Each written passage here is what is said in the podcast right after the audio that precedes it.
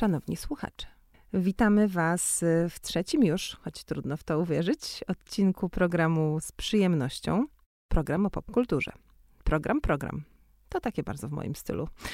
Y, ja się nazywam Anna Tatarska, a siedzi ze mną tutaj moja y, najukochańsza, najwspanialsza i najinteligentniejsza, najwrażliwsza, najempatyczniejsza. Partnerka. Powiedziałabym też najpiękniejsza, ale to nie ma znaczenia, jak wiemy, Tylko ponieważ głos, o pięknym liczy się głosie. tak nasze wnętrze. Anna Konieczyńska. Bardzo mi miło. I to Ania dzisiaj e, będzie tutaj DJ-ką nadającą ton e, naszemu e, programowi, ponieważ mam wrażenie, że ten temat jakoś tak sprawia, że jej serce bije Mocniej. wyjątkowo, e, tak, wyjątkowo mocno i, i szybko, a my wciąż pozostajemy w tych miłosnych rejonach, tak jak obiecałyśmy. Miłość wciąż patronuje mm, e, z przyjemnością, ale dzisiaj e, wyjątkowa odsłona miłości, bo miłość pierwsza. Pierwsza miłość. Moja Temat droga, i tytuł Za minutę pierwsza miłość, zaczerpnięty y, z powieści Hanny Orzogowskiej, jednej z moich ulubienic w okresie dorastania. Y, I zacznę w ogóle od literackich fascynacji, a, a nie filmowych, dlatego że moje dorastanie w latach 90., y, późnych 90., było naznaczone o dziwo literaturą PRL-owską. Jest to ciekawe, bo jak się okazuje z moich późniejszych poszukiwań, tak naprawdę lata 90., 2000 nie przyniosły alternatywy, czy też y, konkurencji dla powieści dla młodzieży, które były dla wcześniejszego pokolenia przeznaczone. Ja otrzymywałam książki od moich rodziców i były to y, sczytane, pożółkłe, y, pozaginane y, książki właśnie Hanny Orzogowskiej, Haliny Stopkiewicz, Ireny Jurgielewiczowej, Krystyny Siesickiej i przede wszystkim y, Małgorzaty Musierowicz. Od niej się moja inicjacja rozpoczęła, jak pewnie u wielu dzisiejszych 35 plus y, latek. Y, Wiele z nich, myślę, że większość zweryfikowało swoją miłość w ostatnich latach i srogo się y, zawiodło, przejechało, poraniło. Y, Ta historia jest równie bolesna jak transfobia i terfizm J.K. Rowling, y, które sprawiły, że rzesze fanów Harry'ego Pottera nie mogą czuć się już tak zupełnie niewinnie swoją miłością, a w każdym razie muszą uniwersum czarodzieja oddzielać od jego matki, y, która powołała y, Harego na świat, ponieważ trudno się y, z postacią, z figurą J.K. Rowling dzisiaj mierzyć bez, bez bólu. Tak jest też z Małgorzatą Musierowicz, y, która była moją absolutną idolką, gdy miałam lat 10, 11, 12. Zaczęłam moją przygodę z Jerzycjadą od y, Idy Sierpniowej, od bohaterki zwariowanej, niedoskonałej, pomylonej nawet, troszeczkę egoistycznej, narcystycznej, y, co mi się akurat bardzo, bardzo podobało, bo była zupełnie odheroizowana i odarta e, z takich księżniczkowatych rysów, które wcześniej mnie w książkach bardzo irytowały. No i oczywiście pierwsza miłość zbliżała się wielkimi krokami. Jak to zwykle u Musierowicz bywało, y, zaczynało się od trójkątu miłosnego. Bohaterka nie do końca wiedziała, który z mężczyzn, chłopaków jest jej sądzony. Okazywało się, że ten, który się wydawał nieinteresujący, jednak się okazywał bardziej interesujący i tak dalej. Intrygi y, snuły się na kartach y, powieści poznanianki przytykane y, humorem, który częściowo rozumiałam, y, bo był humorem y, nastoletnich emocji, a częściowo nie, bo był humorem związanym z epoką niedoboru perelowską, która gdzieś tam na horyzoncie mi majaczyła wczesnego dzieciństwa, ale już nie tej, już nie tej epoki y, nastoletniej.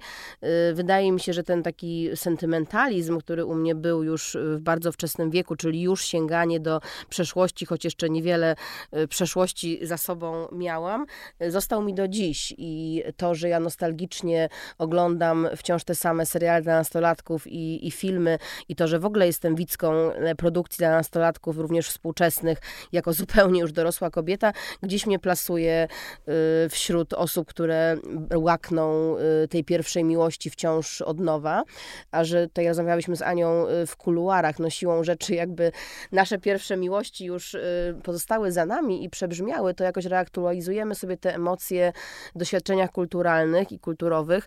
I też z Anią tutaj się, się różnimy, dlatego że mm, ja już na etapie tej idy sierpniowej lat 10, 11, 12 i na etapie tych uniesień y, musierowiczowych y, miałam takie doświadczenia również w życiu osobistym. Byłam dosyć wybujałą dziewczynką, przedwcześnie dojrzałą i obdarzałam gorącymi uczuciami niczego nieświadomych y, i bardzo przy tym zagubionych i strwożonych rówieśników, którzy jeszcze oczywiście byli na etapie piaskownicy, podczas gdy ja już byłam na etapie właśnie tych, tych wzlotów. I Musierowicz tutaj dawała mi dużo, dlatego że trochę pokazywała, że można podejść do tego z dystansem, bo humor, tak jak powiedziałam, był dla niej sposobem na, na obronę przed tym takim zalewem nastoletnich emocji. No ja ale się, kończę. Czekaj, ja się muszę tu obronić, bo ja tutaj wychodzę po prostu na osobę, dla której ta sfera w ogóle nie istniała. Chciałam e, dodać, że istniała, ponieważ na pierwszej randce w życiu byłam w kinie Wisła z moim kolegą e, Maćkiem na filmie Babe Świnka z klasą. Nie pamiętam, który to był rok, ale to musiał być, to musiał być, to musiała być mhm. połowa lat 90., więc jakoś mniej więcej wtedy. Natomiast ja tak cię słucham z zainteresowaniem, bo ja nie mam tej bliskiej relacji z Musierowicz, mimo że zjadłam pewnie wszystkie jej książki i słabo je pamiętam, bo one mi się zawsze wydawały, i tutaj z góry przepraszam, e, takie krakowskie mentalnie. To znaczy, jeśli będziemy operować tym takim stereotypowym podziałem na to, co krakowskie i warszawskie, to one były w pewnym sensie dla mnie e, takie oderwane od takiego mięsa życia, e, dość, dość wydumane i też w pewnym sensie jałowe, jeśli chodzi o tę odsłonę emocji, która mnie bardzo interesowała. I być może dlatego w moim życiu literacko jest jakiś taki dziwny moment przestoju pomiędzy lekturami e, późniejszego dzieciństwa, samodzielnie czytanymi, głównie z bohaterkami takimi uwielbiającymi przygody i samodzielnymi. Tutaj pewnie Astrid Lindgren miałaby w moim sercu duże miejsce. Mimo, a nie że, Lucy Mount Montgomery. A też, ale to, to, to wiesz co, to właśnie o to chodzi, że to później. Ja czytałam te wszystkie książki, bo wszyscy je czytali, bo to były książki do, do czytania, czyli e, Francis Hodgson e, Barnett i, i um, Boże, jaki to był ogród, Ania? Tajemniczy. Tajemniczy ogród. ale właśnie, właśnie te, te Madika z Czerwcowego Wzgórza, czyli te dziewczynki, dziewczyneczki, tak? Mm, Później jakiś taki pusty etap y, wczesnej nastoletniości, który ja zapełniałam też właśnie tymi starymi polskimi lekturami, Pan Samochodzik czy, czy jakieś tomki. A z kolei ja zaczęłam bardzo wcześnie, jako myślę 12-13-latka, czytać pasjami taką serię wydawaną wówczas przez to się nazywało chyba wydawnictwo Salamander, czy seria się nazywała Salamander. I to były przedruki amerykańskich y, klasyków, czyli na przykład Joseph Heller, William Wharton, który w Polsce zrobił zawrotną karierę, chyba jedną z większych. Y, I książki jednak też y, takie ponad wiek, y, czyli y, na przykład Spóźnieni kochankowie. Autentycznie w mojej głowie to jest książka, która była dla mnie jednym z bardziej fascynujących portretów miłości, może nie pierwszej, tylko raczej ostatniej, przynajmniej dla, dla jednej strony, którą ja sklejam ze swoimi e, latami nastoletnimi. I jakkolwiek brzmi to dziwacznie, to nie czuję się specjalnie przez to doświadczenie skrzywdzona, bo jednocześnie e, z biblioteki w mojej podstawówce e, wypożyczałam regularnie e, książki i tam obok tych takich ikonicznych e, dzieł nastoletnich właśnie Ania e, z Zielonego Wzgórza i, i, i tym podobne dziewczynki żyjące w takim dość sceptycznym świecie, jeśli chodzi o wszelkie cielesne i emocjonalne y, y, zagrożenia. Bywały też takie pozycje spod znaku Young Adult, takie naprawdę bardzo śmieciowe. Nie mogę sobie przypomnieć, chociaż próbowałam dzisiaj całe rano, jak się nazywała ta seria, ale ja pożarłam, to chyba było z 10 y, odsłon, takie kolorowe, brzydkie okładki, wiesz, zrobione w estetyce kolażu, to się chyba nazywało Klub Złamanych Serc. I to były jakieś takie amerykańskie rozkminy mm, takich nastolatek, ale młodych nastolatek, takich 13, 14 mm, i właśnie, że tam jej się taki chłopak podoba, ta se kupiła takie buty. Też coś, co z perspektywy wczesnych, y, no już nie wczesnych, powiedzmy, że lat dziewięć, no drugiej połowy lat 90. jednak wciąż się wydawało w Polsce dość egzotyczne, bo ja wtedy cały czas z mamą kupowałam dżinsy w szczękach y, pod Pałacem Kultury y, i, i marzyły mi się markowe adidasy, a pierwsze takie adidasy chyba dostałam w siódmej klasie podstawówki, jako czternastolatka. Więc, więc można powiedzieć, że byłam gdzieś tam e, pomiędzy tymi światami e, rozdarta. Nie bez znaczenia jest pewnie to, że e, od bodajże 12 do 17 roku życia nie miałam w domu telewizora. A to też mocno, myślę, kreuje wyobraźnię, szczególnie u, u, u młodych osób. mm, ponieważ jest to historia z gatunku makabrycznych, ale ją szybko przytoczę. Jak miałam 12 lat, zmarła moja ukochana babcia i na tenże pogrzeb przyjechał mój nieznany, tajemniczy wujek z, z drugiego końca świata. Mam takiego wujka, y, właściwie już potem chyba się nie, nie spotkaliśmy, a że wujek w rodzinie zawsze funkcjonował jako postać legendarna, która zawsze przyciągała wszelkiego rodzaju problemy, to tym razem też przyciągnął te problemy w postaci złodziei, którzy wyczyścili nam i tak skromnie urządzone y, mieszkanie do szczętu, kradnąc także nasz telewizor marki chyba Akai, to był jakiś taki niszowy azjatycki producent. No i, i potem, a i komputer, y, też ten komputer z tym, y, z Atari, tak? Czy Commodore. Y, więc po, po, prostu potem tego, tego nie było. Ja się, ja się rzeczywiście zatopiałam w książkach, y, książkach często też na, nad swój wiek poważnych, ale żeby nie było, że byłam bardzo pruderyjna. Podkradłam kiedyś mojej mamie i to już była inna serial, nie pamiętam która, taką książkę, to był taki, takie soft porno, to się nazywało Fany, Przygody Fany, dwie części i tam był jakiś tam, yy, tam chyba pierwszy raz w życiu przeczytałam słowo erekcja, yy, jakiś był seks na sianie i generalnie to takie yy, fantazje. Harlekin mm, taki. Tak, tak, ale taki trochę bardziej hardcore. Do, do I też uspokajam tutaj słuchających naszych rodziców y, po, pociech. No było to dla mnie ciekawe, ale nieco dziwne i nic złego mi to nie również nie zrobiło, tak.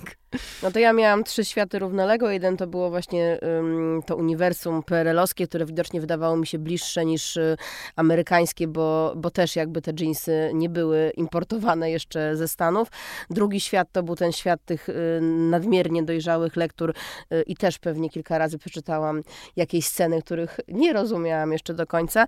I trzeci świat to był świat telewizji, którego Ania wtedy nie znała, bo u mnie w domu y, telewizor stał, jak w większości wtedy polskich domów, w miejscu centralnym i pojawiło się MTV, a wraz z MTV y, pojawiły się gołe brzuchy i tańce synchroniczne i boys bandy i girls Kolczyki bandy. w pępku. Kolczyki w pępku i bluty na platformach. Cała ta y, cudownie plastikowa seksualizacja, która mogła przewrócić dziewczynce dorastającej w głowie, ale na szczęście MTV było głównie z moim tatą oglądane, który był fanem y, Naprawdę? i tłumaczył mi na bieżąco, co tutaj można ewentualnie podpatrzeć, Córko, ten crop top wynika z braku materiałów na zachodzie. Mniej więcej, mniej tutaj więcej, mamy, tak. I kiedy próbowałam przeforsować zakup tychże butów Spice Girls, napotykałam na, na bardzo platformach? opór. Tak, o, nie, nie, nie udało się nigdy przekonać rodziców, że są praktyczne, więc to były takie tylko Y, przez szybkę. Przez A do, dodajmy, że, że tutaj, że tutaj y, nasza współprowadząca, prowadząca z innego wogowego podcastu o, o, tych butach z platformą albo już mówiła, albo będzie mówić, bo, bo, bo trendy powracają. Mam na myśli oczywiście Harel. Y, ale dodam tylko od siebie, że Ania, nie miałam telewizora, ale ja byłam bardzo zainteresowana telewizorem i bardzo przepraszam y, wszystkie moje przyjaciółki, do których do domu przychodziłam, żeby się z nimi bawić i zawsze następował ten moment, kiedy ja tak zastygałam, bo wiesz, w polskich domach do tej pory zresztą telewizor, jak ktoś mówi, chodzi. Po prostu gdzieś gra. Więc ja chyba przez to, że go nie miałam w domu, to po prostu jak tylko widziałam ten migający ekran, nie mogłaś się powstrzymać. Byłam jak w transie, wiesz, jakby mi ktoś jak, jakieś nielegalne środki podał, bo co siedziałam i się gapiła mnie, tam jakiś klan leciał albo, albo coś, nie, migały obrazki, więc nie wiem, może to, yy, wiesz, zdeterminowało moją drogę zawodową, kto wie, kto wie, ale, ale myślę, że, że byłam wtedy niezłym creepem, jeśli chodzi o, o wgapianie się w ekran, tak No tak moje było. drogi tutaj na pewno prowadziły, prowadziły przez ekran, dlatego, że oprócz tych teledysków y, były też y, seriale, oglądane najczęściej znów y, ponad wiek, to było Beverly Hills 90210, to było, to było Brenda Jezioro Marzeń. Yy, tak, to było moje tak zwane życie. Jeden z najwybitniejszych, moim zdaniem, seriali w ogóle w historii telewizji. Brutalnie przerwany, zakończony po, po jednym sezonie, yy, pokazujący zupełnie inny świat niż ten yy, z korytarzy Beverly Hills, bo świat I surowy. może dlatego przerwany. może dlatego nie była publiczność na to gotowa. Był to świat surowy, świat w flanelowej koszuli, świat słuchający Kurta Cobaina. Zresztą dwie wielkie gwiazdy w nim debiutowały. Jared Leto, dzisiaj no absolutnie pierwszoligowy aktor i Claire Danes, czyli późniejsza Julia, a późniejsza Kerry Mathison z Homelandu.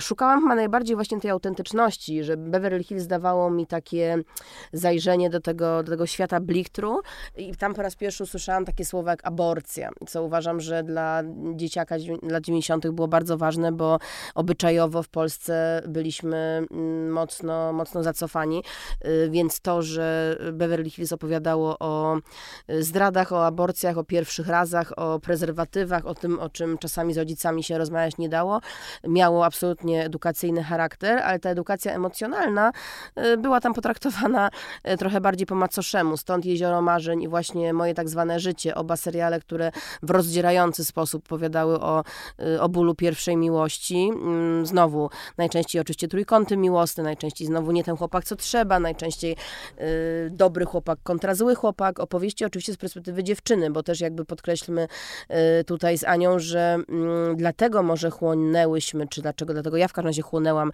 y, te opowieści filmowe i literackie, że one zawsze opowiadały o dziewczynach. A, a moja doświadczenie, moja, czy moja perspektywa była taka, że właśnie te moje wybujałe emocje w kierunku moich kolegów y, były o tyle jednostronne, że nawet jeżeli odwzajemnione i nawet jeżeli te pierwsze randki w kinie się odbywały, to na poziomie dojrzałości emocjonalnej to, to trafiało w próżnię, więc te opowieści filmowo-literackie o doświadczeniach znów dziewczynek y, mocno ze mną rezonowały, pokazywały mi, że, że nie jestem sama y, w tym, jak mocno wszystko przeżywam.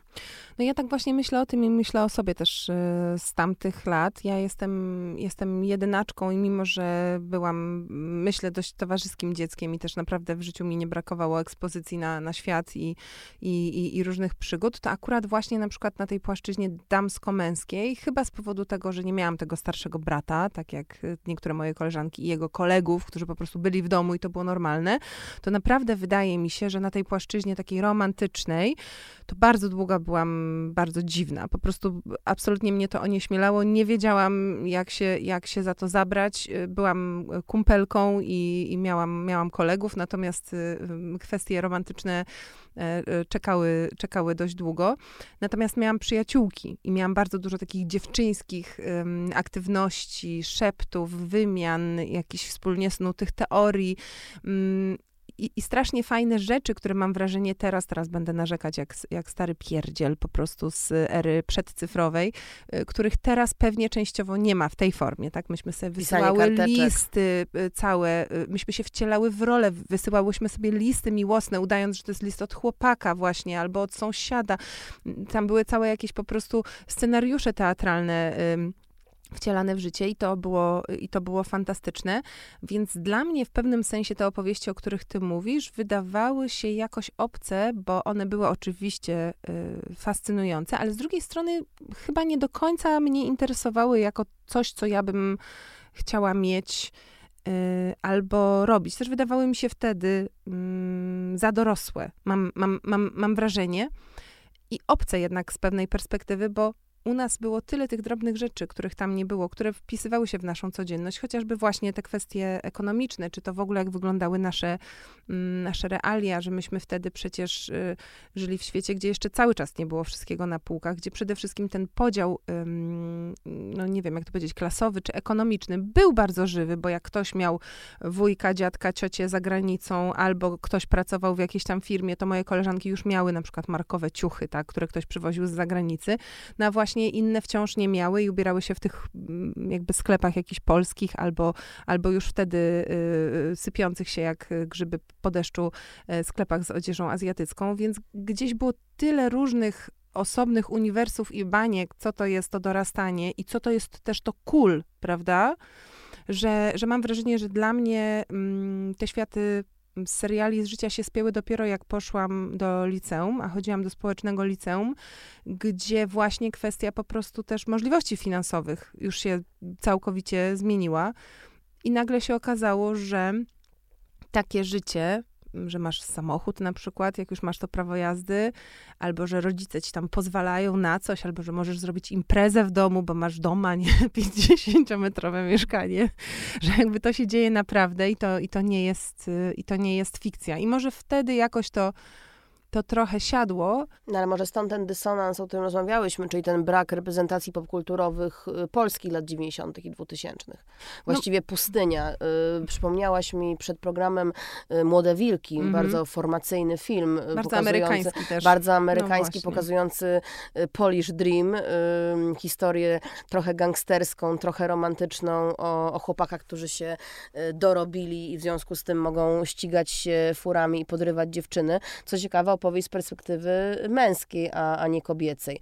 Była też pewnie Panna Nikt na podstawie powieści Tomka Tryzny, film Andrzeja Wajdy, ale znowu to były jakieś takie absolutnie szczątkowe prezentacje, z którymi trudno się było utożsamić, a znowu kilka lat wcześniej y, były klasyki takie jak Kieślowski, o którym mi przypomniałaś. Mhm, tak, no właśnie Kieślowski i ta mm, tytułowa tutaj pierwsza, pierwsza miłość, czyli film dokumentalny z 74 roku, jest o tyle emblematyczny, że on dobrze pokazuje, gdzie była wtedy polska wrażliwość. Czyli śledzimy tutaj perypetię młodej pary, której y, poważny związek zaczyna się od tego, że ona, 17-latka, zachodzi w ciążę, on rok starszy y, musi jej pomóc, wspólnie muszą zdecydować, co chcą z tym zrobić i powiedzmy, że zmagają się z przeciwnościami losu. No i to był ten romans po polsku, tak? Czyli gdzie mieszkać, czym nakarmić dziecko, mm, jak zachować pracę. Takie, takie decyzje mm, z mentalnej przestrzeni, która nam się jednak kojarzy właśnie z, z tą poprzednią epoką, w której nie było miejsca na na, na przygodę, na fantazję, w ogóle na modę na przykład, tak? Na, na cokolwiek, co, co wykracza poza,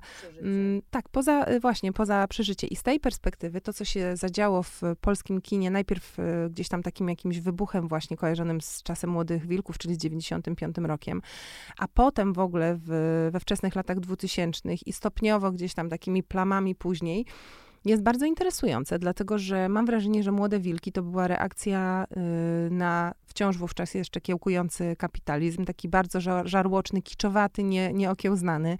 To był przecież czas y, na przykład wysypu banerów, tak, i plakatów wszędzie, zresztą z tą plakatozą straszliwą do tej pory mm, walczymy. Czyli to był taki film, który był przeniesieniem na mm, polski grunt tej amerykańskiej, jakiejś eskapistycznej e, fantazji o tym, że możesz być zwykłym chłopakiem znikąd, a jednak mieć wszystko i szybki samochód, i piękną dziewczynę, i hajs, ale kiedy weźmiesz pod uwagę, że zostało to jakoś połączone z realiami ówczesnymi, takimi na przykład mafijnymi, z którymi się wówczas mierzyliśmy przecież e, w prasie i w rzeczywistości e, każdego dnia, to daje temu wszystkiemu bardzo ciekawy kontekst. I z perspektywy czasu ogląda się to tak raczej, powiedziałabym, z trochę z uśmiechem, trochę z politowaniem, bo też filmowo nie jest to e, zbyt wielkie dzieło, dość drewnianie mm, nagrane, ale no oczywiście też mamy tutaj zabawny chichot historii, bo ówczesny idol, e, idol nastolatek e, Jarosław Jakimowicz, uważam e, wówczas mm, zapowiadający się, zapowiadający się i, i, i naprawdę e, taki niepolsko przystojny, no wszyscy wiemy, cóż się z nim stało. Ciekawa jestem, czy on z tą swoją bronią już na froncie tam tam, tam działa, czy wciąż jednak ym, przed telewizorem w domu pozuje. Ale tak, puenta tutaj jest dosyć, dosyć smutna, ale tak jak Ania powiedziała, ym, w polskich filmach romantycznych dla dzieciaków czy dla nastolatków zawsze ten motyw przeżycia i motyw trudności, motyw radzenia sobie z trudnościami był bardzo żywy. Dla mnie takim ym, filmem ikonicznym jest Kronika Wypadków Miłosnych y, Wajdy na podstawie powieści Tadeusza Konwickiego. Zresztą wiąże się z tym moja osobista historia historia. E, tutaj taki mały trend, bo e, gdy zakochiwałam się w moim obecnym mężu, który pewnie jest moją ostatnią miłością, na pewno nie pierwszą, uznałam, że jest to świetny pomysł na prezent na urodziny. Szukałam w antykwariacie długo egzemplarza e, sczytanego, tak jak mój własny, bo mój własny dziś się zagubił przy przeprowadzce, więc znalazłam w tym antykwariacie, dałam dedykację i to miał być taki znaczący sygnał, że tutaj moje zamiary są bardzo jednoznaczne Y, a książka y, jest o tyle wstrząsająca, że opowiada o miłości w cieniu wojny. To jest pierwsza miłość, pierwszy seks, pierwsze zauroczenie y, latem 1939 roku. Widmo wojny krąży nad Europą.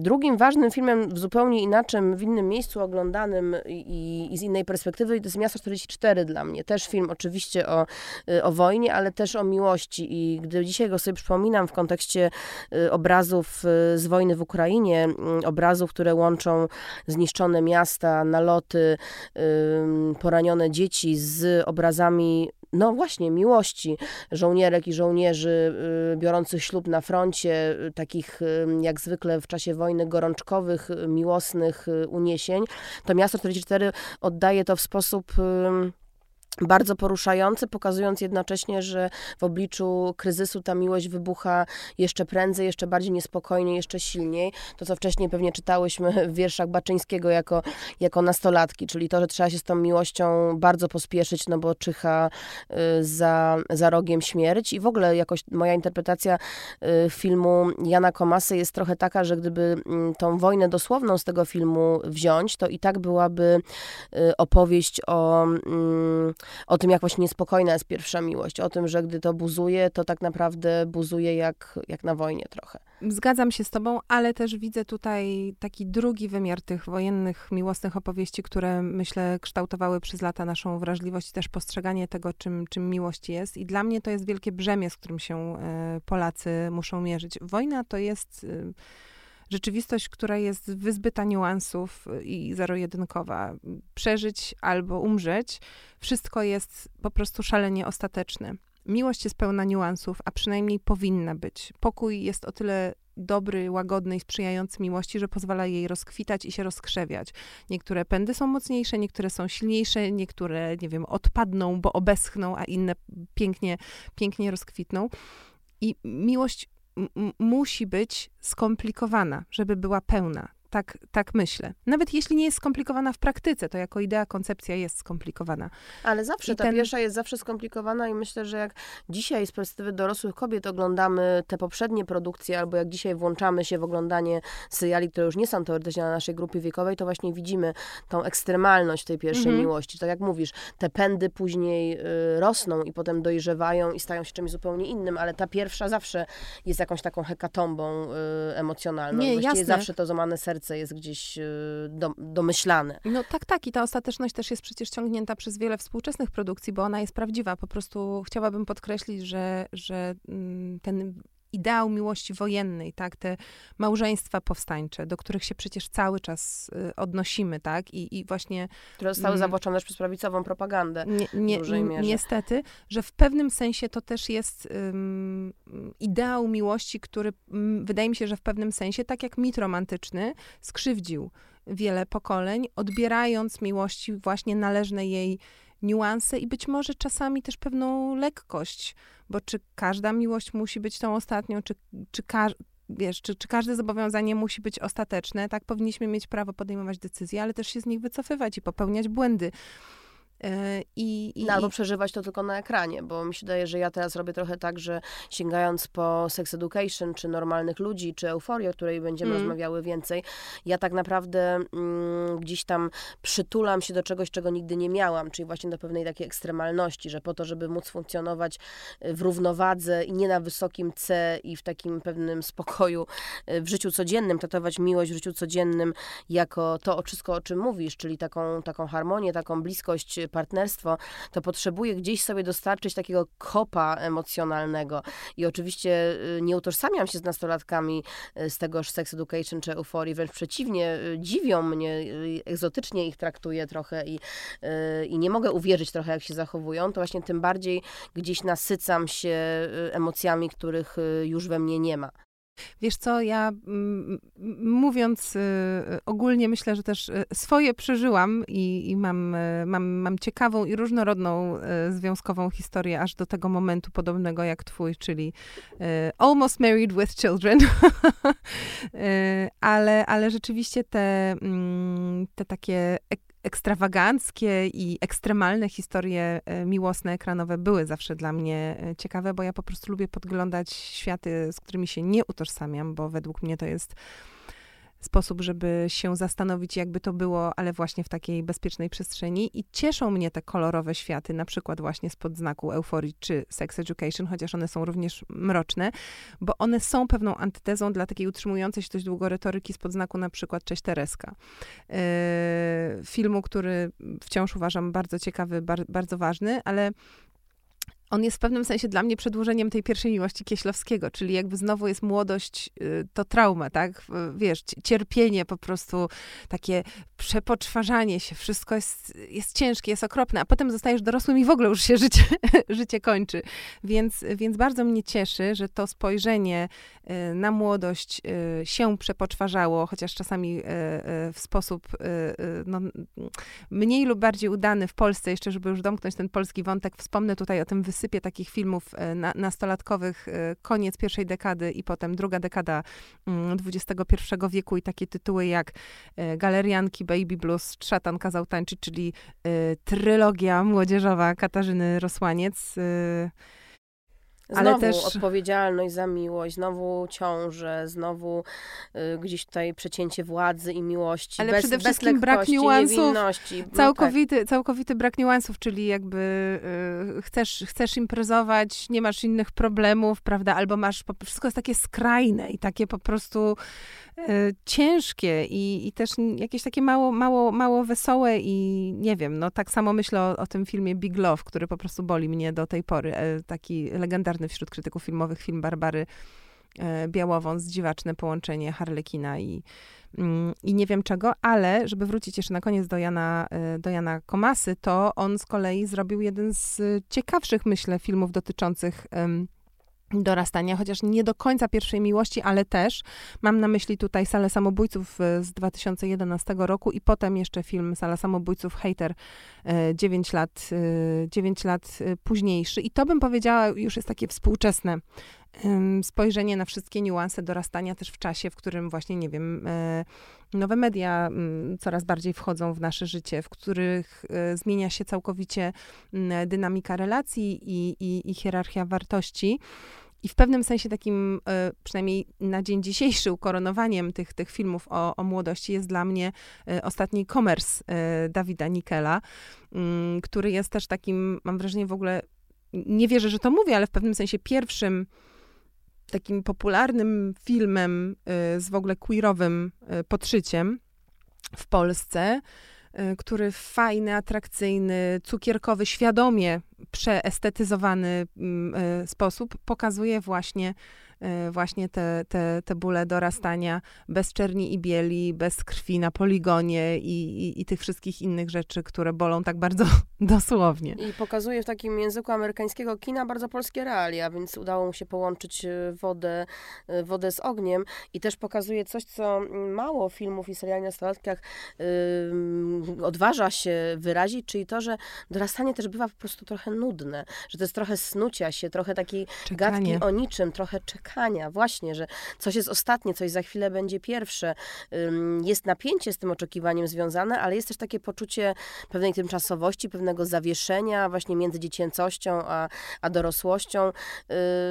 Mało komu się to udaje oddać w taki, w taki właśnie lekki, dowcipny e, sposób, jak w ostatnim komersie, e, ale nasz tutaj flagowy serial, o którym, o którym chcemy rozmawiać, czyli Euforia, też e, gdzieś to chwyta. I dla mnie twórca Euforii, Sam Levinson jest pewnie najlepiej rozumiejącym Zetki milenialsem twórcą kina, bo absolutnie patrzy z perspektywy milenialsa właśnie na to pokolenie młodsze, trochę mu się dziwi, trochę nie dowierza, trochę jest ciekawy, nie ocenia, ale jednocześnie nie pozwala widzowi zanurzyć się bezrefleksyjnie y, w świat y, kamerek, mediów społecznościowych, narkotyków, seksu.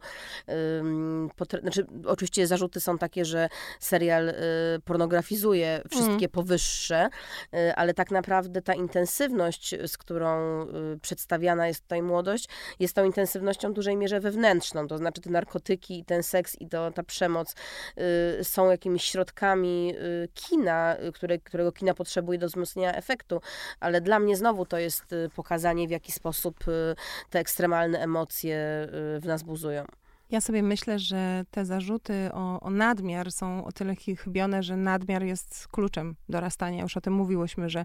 Pewna wybujałość. Y, tak, przesada, e, ekstrema, wszystko jest y, y, zawsze ostateczne. Ta miłość jest, jest najważniejsza, rozpad przyjaźni jest, jest absolutnie świata. końcem świata i, i nie, da się, nie da się tego odkręcić. Takie pojęcia, oczywiście znowu uśredniam, ale takie pojęcia jak jak dialog, negocjacje, kompromis, one się pojawiają w życiu później i może dobrze, i może tak ma być.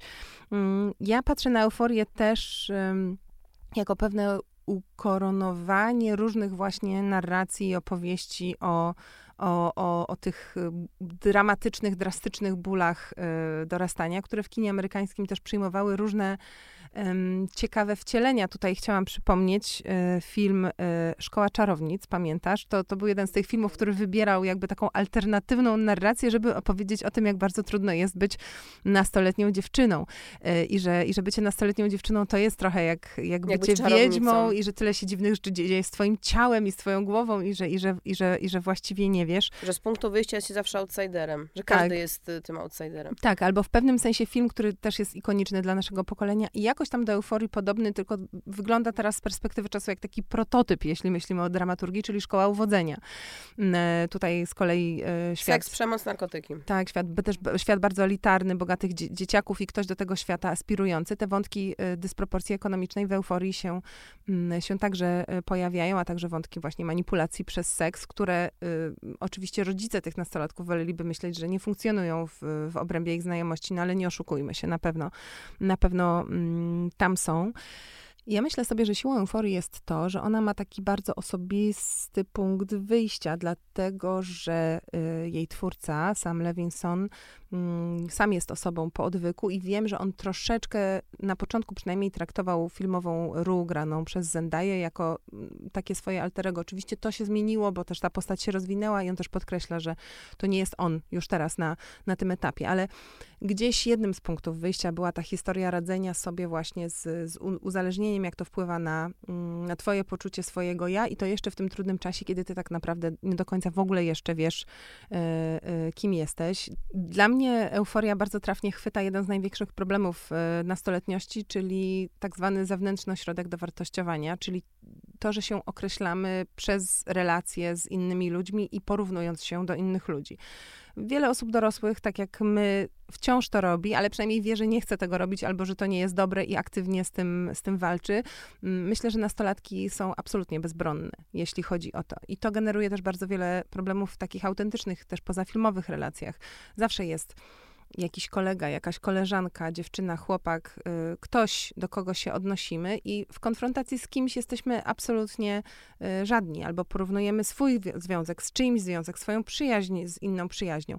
Euforia też fajnie pokazuje, że to są bardzo często pozory i że za tą y, właśnie taką teledyskową otoczką, okładką kryje się czasami naprawdę bardzo głębokie bagno, z którego te osoby na pozór uśmiechnięte, świetnie umalowane, e, fantastycznie ubrane, wyglądające jakby na przykład miały absolutną kontrolę nad swoją fizycznością czy seksualnością, tak naprawdę nie potrafią się e, wygrzebać, więc... No w drugim sezonie tą bohaterką wiodącą stała się Cassie, e, Sydney Sweeney, fenomenalnie zagrana postać, która właśnie jest tą osobą, która się wydaje taką wręcz playmate it okresu girl, nastoletniego, taką, taką it girl, która mówi otwarcie, że jest uzależniona od miłości, że kocha miłość, musi być kochana, więc oczywiście wikła się w toksyczne e, relacje i to jest taka absolutnie ku przestrodze historia, zresztą wyzyskana przez własną siostrę bohaterki na, na scenie w finałowych odcinkach.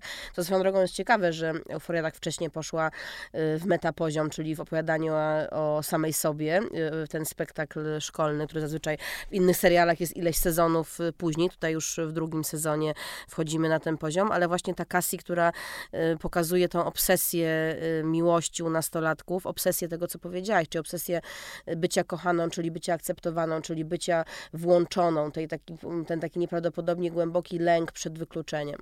No, poruszyłaś tutaj wcześniej też temat, który wydaje mi się w kontekście tego serialu istotny, czyli ta seksualizacja w euforii w większości te postaci nastoletnie grają starsi aktorzy. To jest zresztą problem, który kino toczy od lat.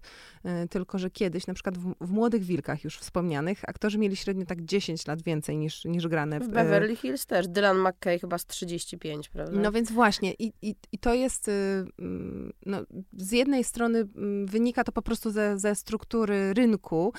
Y, zabawne jest to, że czasami wynika to z ograniczeń wiekowych, to znaczy, że aktorzy w wieku postaci nie mogą grać rzeczy, które ma, gra ma grać postać, więc to też już jest taki wewnątrz biznesowy paradoks.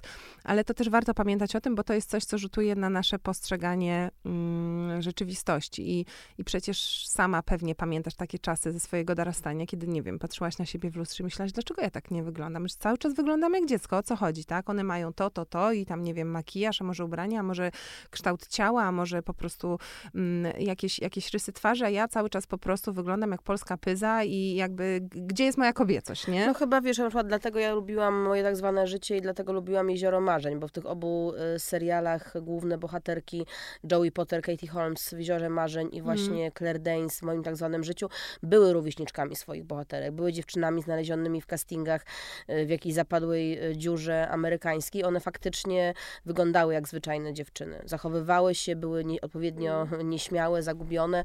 Nie były tymi pełnowymiarowymi gwiazdami, którymi na przykład są dziewczyny z euforii. Tylko, że myślę, że dziewczyny z euforii są wytworem całkiem innych czasów. Ja nie jestem w stanie i niestety zacytować dokładnie badań na temat dostępności pornografii u młodzieży, ale wyniki tych badań są zatrważające dla każdego, kto ma wyobrażenie chociażby śladowe na temat rozwoju emocjonalnego nastolatków.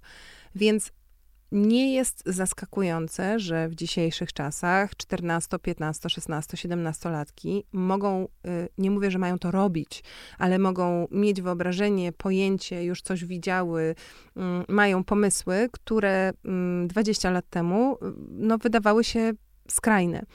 Dla mnie to, co robi euforia z tą seksualizacją, jest o tyle interesujące, że na przykład teraz myślę o tym drugim sezonie, tam jest bardzo dużo scen e, właśnie seksu z udziałem Cassie, która jej ciało jest e, pokazywane w taki niemal pornograficzny sposób, też na zbliżeniach, których Instagram by e, nie przeżył. I myślę sobie, że to jest też y, tutaj ten metapoziom, o którym e, wspomniałaś. To znaczy, trochę można pomyśleć o tym, jak my oglądamy ten serial i dlaczego my myślimy, że to jest, nie wiem, fajne, niefajne, właściwe, niewłaściwe. I że to jest trochę też taka gra y, z widzem. To znaczy, ten serial na tyle, na ile opowiada o bohaterach, opowiada też o naszych czasach i też o nas w tych czasach, o tym, jak, jak my się w tej rzeczywistości odbijamy, czy się w niej odnajdujemy czy te ujęcia właśnie na przykład z ten seksu są dla nas e, podniecające i przyjemne, czy przerażające, czy przezroczyste. Więc e, mm, no szczególnie, że ten, ten, ten drugi sezon pod względem wizualnym jest, myślę, niesamowity. On został w ogóle nakręcony na taśmie filmowej w przeciwieństwie do, do, do pierwszego sezonu, co oczywiście też rzutowało na, na, na, na sytuację na planie, ale właśnie też na tę taką estetykę, która gdzieś cofa go trochę do czasów na przykład dzieciaków Larego Clarka mm, do lat 90., bo z jednej strony duże ziarno mogłoby sugerować powrót do takich czasów lata 50., 60., ale tutaj to są bardziej lata 90. I to jest też wolta, którą wykonuje obecnie moda, więc jest tu e, uzasadnienie dla tego języka. Z jednej strony pewne okrucieństwo emocjonalne, a z drugiej strony taka duża piguła nostalgii. Tak, no właśnie, tylko zawsze sobie myślę o tym, e, za czym jest ta nostalgia i za czym ja właściwie tęsknię. To znaczy nie tęsknię chyba za swoją własną młodością, tylko za swoim odbiorem przedstawień młodości z własnej młodości. To znaczy wszystko jest zapośredniczone przez kino i tak z kinem splecione, że ja już sama nie wiem, czym była ta moja własna, yy, własna adolescencja. I że widzę właśnie obrazy filmowe i obrazy z poprzednich obrazów, a, a, nie widzę, a nie widzę jakoś siebie. Ja lubię to, że teraz dostajemy tyle różnych opowieści o tym, czym może być dorastanie, też jakby determinowane przez to, na jakiej szerokości geograficznej żyjesz, czy w jakim kręgu e, kulturowym, czy tak, czy, czy jak się identyfikujesz. Bo mm, nie odnoszę tego do swoich doświadczeń, one są moje i, mam je, przeżyłam je, pielęgnuję je, są w dobrym, w dobrym, bezpiecznym miejscu, ale są to dla mnie po prostu bardzo ciekawe opowieści o ludziach, z którymi na co dzień nie mam styczności, których nie znam, a których chcę znać, bo w ogóle ludzie są dla mnie ciekawi, a jeszcze biorąc pod uwagę, że y, nasze latorośle, mam nadzieję, y, później niż prędzej dojdą do tego etapu, że trzeba będzie y, mówić im na przykład, słuchaj, to może my wyjedziemy na weekend, żebyście mieli mieszkanie tylko dla siebie, to może jest tam jednak też taki walor edukacyjny, nie wiem. Tak, ja chyba oglądam y, też dużo po to, żeby wiedzieć, jak rozmawiać y, ze swoimi dziećmi. I chciałabym y, przede wszystkim zapamiętać ten rodzaj właśnie niepokoju, ten teen angst, który mi towarzyszył, który towarzyszy bohaterom filmowym, którego już teraz nie czuję na własnej skórze, ale reaktualizowanie go sobie pozwala mi myśleć, że, że będę może niezłą matką nastolatków i że nie będę na pewno bagatelizowała ich problemów. Bo też myślę, że dlatego szukało się ukojenia w latach 90 w tych produkcjach, bo nie wszyscy rodzice byli gotowi potraktować poważnie nastoletnie problemy. Mhm. Y, tam było pokazane, że pierwsza miłość naprawdę z dojmującym uczuciem, a czasami, gdy mówiło się o tym rodzicom, to mówili, a przejdzie ci, masz tylko 13 lat. To jest y, jedna bardzo ważna rzecz, a druga jest taka, że myślę sobie, że to wracanie do tych młodszych czasów może też być dla nas takim przypomnieniem, że patrząc na świat, nakładamy na niego automatycznie i czasami bezrefleksyjnie filtr, który wynika z tego, kim jesteśmy Mm, tu i teraz. I zarówno oglądanie seriali, jak też właśnie kontakt z dziećmi, a może oglądanie seriali, filmów o nastolatkach może też na ten kontakt z dziećmi pozytywnie wpływać. Przypomina, że czasami to, że coś nam się wydaje mm, skandaliczne, niebezpieczne, oburzające, wynika z pozycji wiedzy, którą mamy teraz jako osoby dorosłe i że najlepszą rzeczą, jaką możemy zrobić, jest nieprzenoszenie tego filtra e, na, na właśnie na dzieci i pozwolenie im, żeby same sobie rysowały tę mapę swoich lęków, a nie dziedziczyły je, je po nas. Mm, a teraz y, mamy taką małą niespodziankę.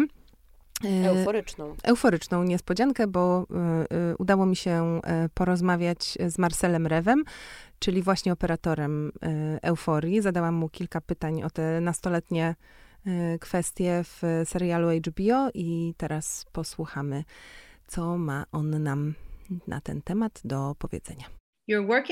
Pracujecie z aktorami, którzy są starsi niż grane przez nich postaci. W serialu pojawia się wiele uh, bardzo sugestywnych scen intymnych, pełnych skrajnych emocji. Jak w takiej sytuacji zapewnia się aktorom poczucie bezpieczeństwa?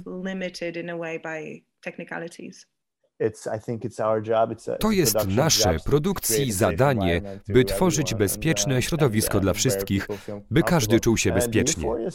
Plan Euforii to świetny plan ze świetną atmosferą. Uh, Nie sądzę, by ktokolwiek wyniósł z niego nieprzyjemne przeżycie. Nie mogę oczywiście wypowiadać się w imieniu innych, ale dla mnie to najlepsze doświadczenie w życiu i nigdy nie słyszałem, by którykolwiek z moich kolegów skarżył się na to, jak traktujemy aktorów czy ekipę na planie. Nigdy nic takiego do mnie nie dotarło. To naprawdę świetny plan do pracy.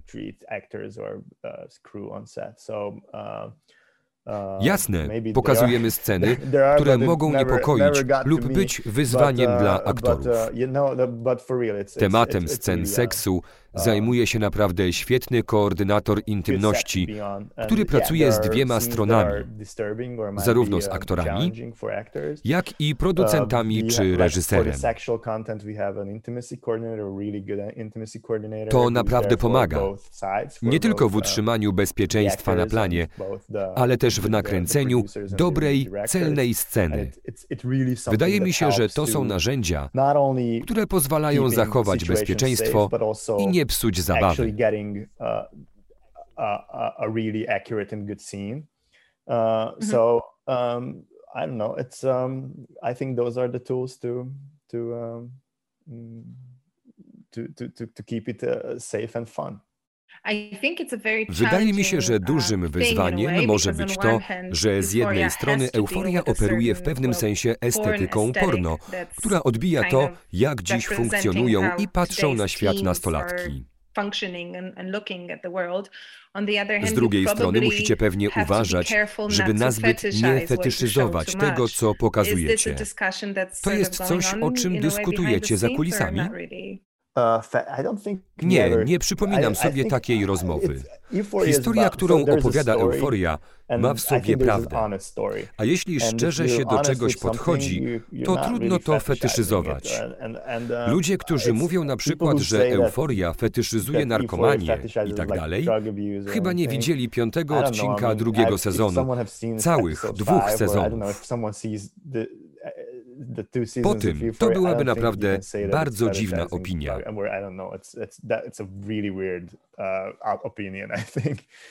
Uh, to nie jest tylko rozrywka dla uh, rozrywki. Jest tu głębsze znaczenie, przynajmniej według mnie. Uważam, że kluczem jest szczerość. Nie próbujemy tworzyć przypowieści o tym, dlaczego narkotyki są złe. Sam mówi wprost. To jego doświadczenie, jego scenariusz.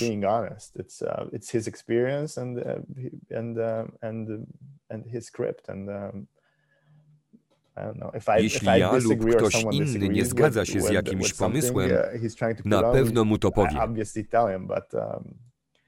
Um, Ale ja nie mam na koncie takich doświadczeń. Uh,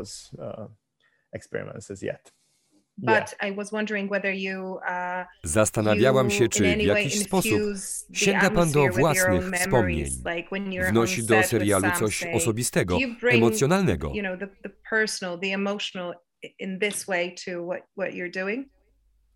Uh, o tak, zdecydowanie tak. Szczególnie w drugim sezonie włożyliśmy w to dużo własnej duszy. Um, um, Bardzo się uh, emocjonalnie zaangażowaliśmy. Nie tylko ja i sam, uh, ale też reszta ekipy.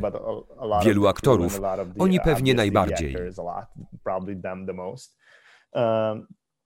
Um, Toczymy um, wiele zaangażowanych dyskusji o tym, jak dane sceny powinny być odczuwane, jak mają wyglądać, uh, brzmieć. Um, uh, to bardzo otwarta dyskusja. Sam jest bardzo otwarty na pomysły. Zawsze ich słucha.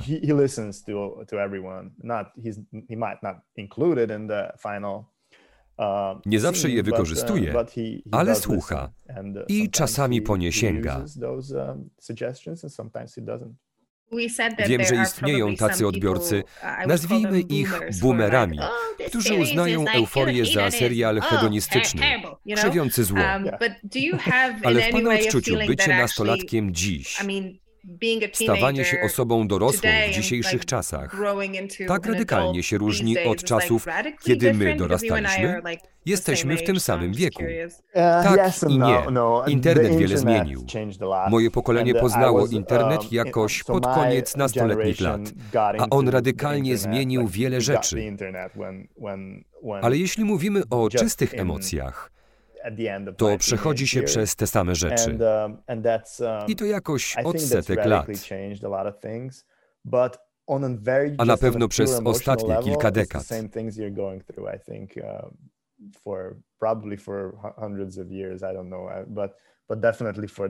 Także widzę tu wspólny mianownik.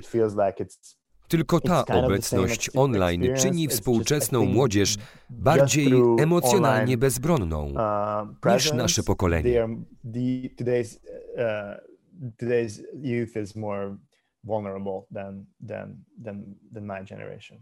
Za minutę pierwsza miłość. Żegnamy się, Ania i Ania.